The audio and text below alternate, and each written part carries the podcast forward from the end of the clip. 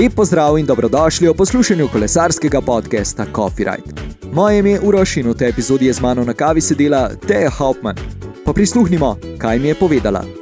Če ti je podcast Coffee Ride všeč, se naroči na Apple Podcasts, Google Podcasts, Anchor, Spotify in na trikrat vojnive.coffeeride.com. Takole, danes v moji družbi Teja Hauptmann. Lep pozdrav. Živijo.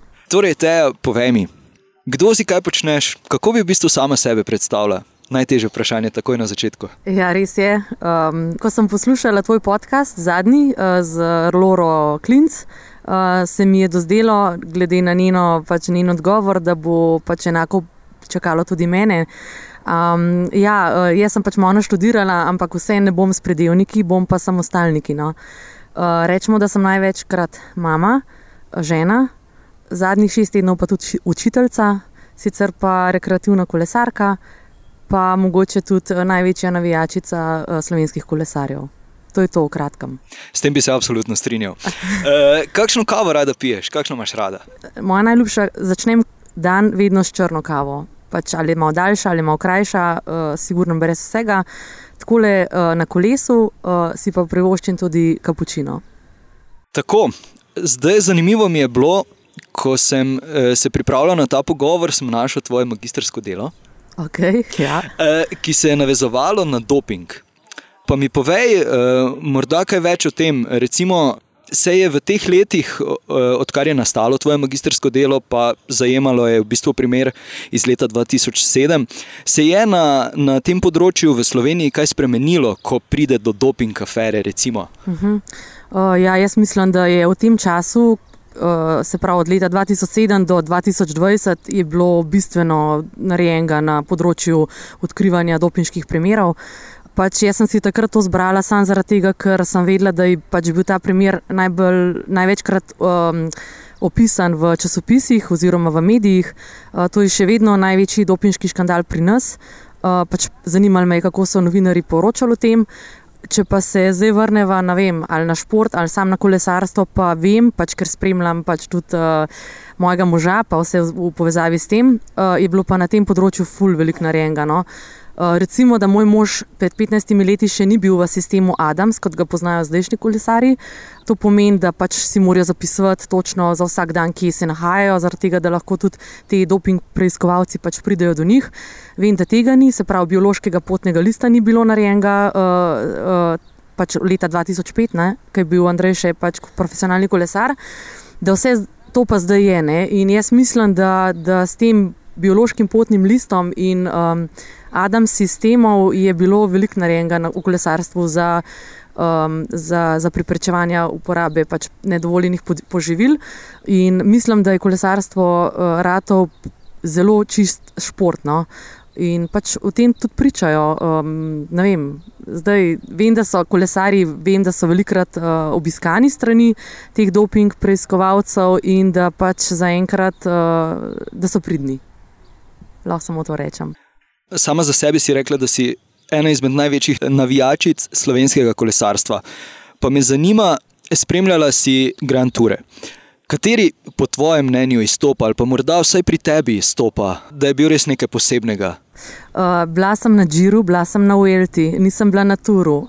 Ampak to ne pomeni, da ni največji, jaz mislim, da je največji. Da tudi uh, vsi opisi mojega moža pravijo, da pač tur je tur. In um, vsekakor gre za največji grand tour. In če zmagaš, pač tur si največji. Zdaj, glede na letošnji koledar. Uh, včeraj je bil objavljen, ne, nas čaka pač tur v septembru. In um, seveda, vse moje misli so že v začetku leta bile, da jaz letos pa obiščem tudi tura. Tudi uh, na voljo imam malo več časa in prve tri etape, ki se pač peljejo, vijajo okolnice, um, bi jaz sigurno tam bila. In tudi vmes bi šla malo domov, ampak kasneje bi se pa vrnila v Pariz. Je pa to tudi um, Andrej imel v programu Tour de France. Uh, vedela sem, da tudi Pogačar in Polanc in Roglič in Mezgec so imeli v programu ta in sem rekla, seveda, to bo, to bo noro, to bo, to bo zgodovinski tur. Zdaj jaz samo upam, da se pač ta koledar dirki spelje, da pač tur bo v septembru in da ja, za me je pač, siguren bo po moje ne bom se zmotila, ampak po septembru bom rekla, da največji je tur. Vsekakor. Okay. Zdaj, da greva morda malenkost v to smer. Torej, kako se v bistvu pa ti sploh pripraviš? E, Gledal sem slike, kjer ste bili skupaj, navijali vse to. Kako si v bistvu zadaš ta plan? Recimo, eh, izbereš kraljeve etape ali kakorkoli drugače uskladiš eh, svoj ogled? Ja, mislim, da sem najprej gledala tako, da so pač dostopne. V smislu, da je ta pa nekje blizu Slovenije, zato da smo lahko pač šli to obiskati z avtom, ker pač letalske karte vse en, da peleš neko celo družino, ne, na, na koncu nanese. To je bilo, to je bilo v bistvu začelo se z Džirom. Lani pa prišla pač v Elta tako, da, da, da je pa vse en moj mož, dolg časa se nisva videla, pa je rekel, da je, kaj pa če bi ti vsem prišla na koncu v Madrid. Pa sva se pa še z Mihom Koncilijem malo pogovarjala, pa je on rekel, da njega to tudi zanima. Ja, tudi te kraljevske etape, seveda, ali pa recimo, da vem, kje bi. Eh, kje si pač kolesari zadajo. Pač imam dostop do teh informacij in uh, recimo, da imam to srečo, da kadar sem šla si pogled kakšno etapo, da so vedno igrali glavno vlogo Slovenci. No. In uh, valjda to je bilo veličastno in jaz sem itak uh, vedno doživljala te neke zgodovinske momente, uh, ali na svetovnih prvenstvih, ali um, na teh etapnih dirkah. Ja, najprej je bila bližina, zdaj seveda so letalske karte že dostopne tudi nam. In, um, letos si bom izbrala, recimo, da je Grand Tour, neko etapno dirko, pa neko klasiko. Ne? Ampak klasiko, ki sem jo že videla, pač me ne zanima toliko, uh, predvsem me pa zanimajo tiste belgijske klasike. No? Ampak ne vem, kako bojo datumi padli, pa pač kje se bo nahajal moj mož, ker to je pa tudi zelo važno, da tudi jaz pridem pač malo bližje pol tej kolesarski karavani. Sama si že povedala, kako se tega lotiš, ampak morda v kakšnih treh, štirih točkah kako naj se ljudje pripravijo na takšno stvar. Jaz za sebe vem, ko sem bil uh, lani na, na Tour de France. Da je to kljub temu, da si na lokaciji velik eh, logistični zalogaj, da prideš na neko, eh, na neko točko na trasi, da te sploh tja spustijo. In vse ostalo. Je morda kaj takšnega, kar iz glave, da, da bi se. Kot so mi pripovedovali, si, si izbral res ravno Tour de France, ki je pa logistično zelo težko speljati iz točke A do B, to je znanstvena fantastika, no, saj tako pravijo. Na Džiru je stvar malo bolj preprosta, na Uelti pa veliko bolj preprosta. No. Saj tako so tudi in tudi so, moje opažanja so taka. No. Recimo, da na Džiru nismo imeli teh problemov, pač kakšen skok čez ograjo, pa na hiter čez, da te redar ne vidi. Ta zga vsak po mojem naredi, samo zato, da pride čim prej do podiuma. Ja, na svet, eh, ne vem, nujno slovensko zastavo sabo vzeti, to se mi zdi, pa preštudirati etape doma. Ne, se pravi, na tisto etapo, ki greš, da veš, kje štartajo, po katerih krajih se bojo peljali časovnico, se pravi, kdaj približno fino je biti tam uro, dve ure. Na, na licu mesta, recimo, da si izbereš. Potem pa eh, jaz ne vem, kje bom stala. Ali bom stala na klancu, ali bom stala nekje na enem prelazu, ali To pa pač res na licu mesta ugotoviš. No? Uh, se pravi, naštudiraš, to je drugo, ne, da naštudiraš etapo. Um, ta tretja je, ja, da, pač, da ne tečeš zraven, tako kot pač delajo to uh, fani na televiziji, pač s tem sam uh, delaš škodo kolesarju, uh, seveda um, športno navijaš, to ja. Kaj pa vem, poj pa v bistvu čisto, kar se znajdeš. No? To je pa pol um, tako. Uh, ne vem, uh, malo vprašaš, uh, fulje lepega druženja. No? To, da si iz drugih držav, to so, smo vsi prijatelji tam, to ni nobenega hujskanja, nobenega, vsi navijamo za vse. Mislim, meni je to tako lepo, no? da, da v bistvu se prav veselim, moram reči, da mi že ful manjka, ampak ful se veselim dirk, uh, da pridejo to je, to je enostavno to. No? Ampak jaz imam spet srečo, ne? ker imam pa nekoga, ki mi pa pač pove tudi kaj drugega, kar pa običajni smrtniki ne vejo. Ne? Uh, ali me pripeljejo, recimo, ne vem, nekam blizu, um, ali dobim pač to, ko se reče, propustnico, pa pač lahko pridem v nek prostor, kamor drugi ne smejo. To je pa pač tako, no, to je pa malo sem pod srečno zvezdo rojena, verjetno. Absolutno, absolutno. Kako se pa v bistvu soočaš z recimo odsotnostjo Andreja. V bistvu skozi vsa ta leta bil je profesionalni tekmovalec, nista se videla, da je kot športni direktor, se tudi bolj malo vidita.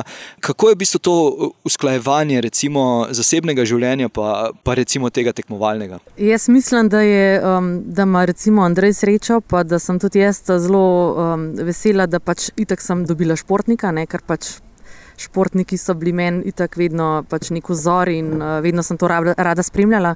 Ma pa tudi on to srečo, da pač meni uh, kolesarski šport tako približal na tak en lep način, da ga imam rada in tako, da ga peljem in da ga opazujem. In to je seveda bistveno lažje, če pač žena odsotna zato, ker pač mož dela v nekem športu, ki te zanima, je seveda eh, zelo enostavno. Pa usklajevanje je čisto enostavno. Pač jaz dobim nek plan dirkam, ki pač pove, kdaj ga ne bo. Vse lepo pelje, otroka sta tudi že zrasla, to niso več mojih otroci, to je drugače. Um, Eh, je pa res, da sem na začetku tega leta si nisem predstavljala, da se bo zgodila eh, pač ta pandemija ne, s koronavirusom in da sem pač iz razloga, ker sem videla njegov prvi koledar dirk, rekla, da tebe ne bo nič doma. In pač jaz si tega ne morem dovoliti, jaz pač moram tudi otroka, pa vse me še rabta, nista pač še, a ne polnoletna. Tako da sem uh, pustila službo s tem namenom, da bom tudi lahko jaz um, v tem času, ko Andreja ne bo, prišla lahko na kakšno dirko, ali družinsko, ali sama. Pa ja, super, mislim, da super peljeva tole. No? In da, da sva nek tak uh, usklajen parno. Sva, pač zanima naju in uh, jaz sem full vesela, da, pač, da je Andrej uspešen tudi na trenerskem področju. No? Absolutno. Torej, v bistvu Srečala si se s kolesarstvom šele, ko si spoznala Andreja? Ja, uh, ja. Si se s katerim drugim športom prej ukvarjala? Uh... Čist rekreativno. Bila sem zelo dobra športnica v osnovni šoli. Pač družinske razmere takrat ne pa niso dovoljevale, da bi pač meni starši upisali v kakšen klub. Bila sem pa dobra v kolektivnih športih, odbojka, rokomet kolesarstvo, bil je to rekvizit, ki ni bil na prvem mestu. No. Rolari so ga itak povozili. Bila sem največ na rolerjih no, v tistem obdobju, eh, prav za res kolo, pa res šele z Androjem. Pač on mi takrat kmalo kupil prvo specialko, ni šans, da sem imela balanco zaukrivljeno, hotela sem ravno balanco. No, pa se je pa začel in vem, se spomnim prvih vožen, ki sem rekla, ker sem se vozila malo čez 20 ur, pa sem sopihala. Pa je on rekel, boš videla žena, enkrat boš eh, vozila čez 30 km in to ti bo z lahkoto. In danes, ko se spomnim na to, si res rečem, ja, proma, ne? ampak to itak naredijo pač leta kolesarjenja, pa kilometri. To je to, drugače pa ja, kolo je prišel uh, v moje življenje šele z Androjem. No? Malenkost uh, bo šla v, v v tiste žalostne zgodbe, kjer je imel Andrej težave z zdravjem. Kako v bistvu zdaj gledaš na to? Vajo je ta izkušnja morda še bolj povezala ali pa pripravljena na življenje dalje? Uh, ja, bilo je, to je bilo leta 2008 zelo težko obdobje. Predvsem zato, ker kar nekaj, nekih pol leta niso vedeli, kaj se bo z Andrejem zgodilo. Noben ni znal povedati, kaj ga čaka. Vmes je res zelo slabo kazalo. Spomnim se ga enkrat, ko pač sem prišla v bolnico, pa vem, da se je pač slekel iz pižame, da se je preoblekel in jaz, ki sem zagledala to telo, ne 58 kg si predstavljaš, da je bilo zelo tako eh, bogo to videti. Um, nobenih mišic več, nobene kolesarske postave, pa ne zato, ampak tako, ko vidiš nekoga, ki je bil še eno leto nazaj, um, v zdrav na kolesu, pač pri, pri kondiciji in potem, kaj bolezen dela, ne, kaj pač naredi. Ja, tisto leto moram reči, da mi je tudi uh, takratni delodajalec omogočil to, da sem se odločila, da bom vzela šesturni delovnik, skrajšan delovni uh, čas in da sem jaz lahko pač vsako, vsak dan, ko sem imela službo v Ljubljani, hodila tudi v bolnico k, njim, k njemu. Klaro, ki je bila takrat stara, dva, dve leti pa pol, sta veliko. Prečuvala moja starša in Andrejeva starša, tako da jo nismo matrali s temi obiski, razen za vikend. Zelo težko obdobje, um, Um, ne znam si predstavljati, moram reči, da ful mal premišljujem v tem obdobju. Sploh uh, pač veliko ga vržem kar čez ramo, rečem, kar se je zgodilo, se je zgodilo, pač to se ne more več ponoviti. Um, ja, če bi mi pa nekdo zdaj rekel, da greva še enkrat čez to, pa oh, se ne moreš nič narediti, ampak. Uh, Naj je fulno je naučil ta obdobje. Um, mislim, da sva samo močnejša zaradi tega. No? Vsekakor tako, pač, pa še bolj povezana. No? Super. Vsa ta obdobja srečanja oziroma spoznavanja z Andrejem. Kaj pa si v bistvu eh, sama želela postati, ko si odraščala? Kaj si razmišljala, da bi počela, s čim bi se ukvarjala v življenju? Kaj je bila tista tvoja želja? Ja, spomnim se, da v gimnaziji sem si noro želela iti na farmacijo. potem mi s točkami ni uspelo pač priti na, na, na to fakulteto, sem izbrala nekaj podobnega in sem se najprej soočila s kemijo. Prvem letu, po prvem letniku pač, na kemiji sem ugotovila, da v bistvu jaz pa res nisem naravoslovka. Ne? Kljub temu, da sem pač vsa leta na gimnaziji mislila, da sem. In potem sem rekla novinarstvo. To, pa, to je pa nekaj, kar mi je itak mikalo. In Itak vse moje teme, vse moje seminarske, vsa moja razmišljanja, ki sem delala potem kasneje na faksu, so bila na športnem področju. In um, ja, eh, vedno sem si želela biti novinarka, predvsem na športnem področju. No. To je to. Um, kasneje sem pa rekla, zdaj pa profesionalni športnik, pa novinar, to pa ne gre, ne gre skupaj, zato ker bo oba flucotna. Ne. In potem sem se pač zapeljala v te PR-ovske vode, našla tudi službo na tem področju, kjer mi je dala veliko, pač veliko sem se naučila na tem področju, in zdaj pa se pa vidim tudi v prihodnosti biti pač neka PR-ovka kolesarjev, recimo kolesarjev, športnikov. Um, zelo mi pašejo, pašejo besede, ne številke. Um, tako, to v nekih tekstih. Um, To bi zdaj naprej rada počela, nimam pa še skristalizirano, kako bi to izgledalo. No? Ampak to, novinarka sem kasneje, recimo po 18 letu, ugotovila, da bi rada bila. No. Andrej je že v podkastu povedal, sedaj pa še ti. Kateri je tvoj ultimativni coffee ride, eh, katera je tista trasa, na kateri se pelješ stokrat na leto, recimo se ustaviš na kavici, uh, uživaš na njej. Uh, vsekakor, no, se sva že prej govorila, malo tako, ki se rada vozva. Um, moja, oziroma najna najljubša trasa je od doma, se pravi iz Radoma do Kamniške bistrce.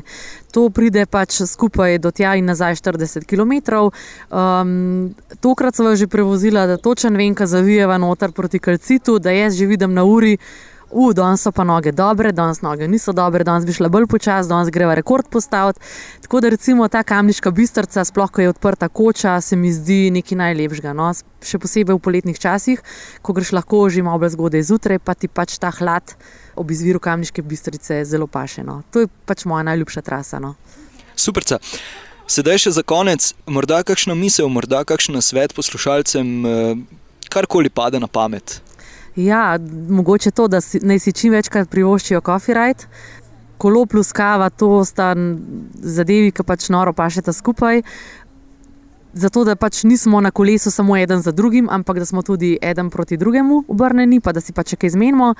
Uh, ja, jaz sem noro vesela, da je tega zdaj konc in da pač bomo počasi lahko začeli res unete prave coffee ride delati. No.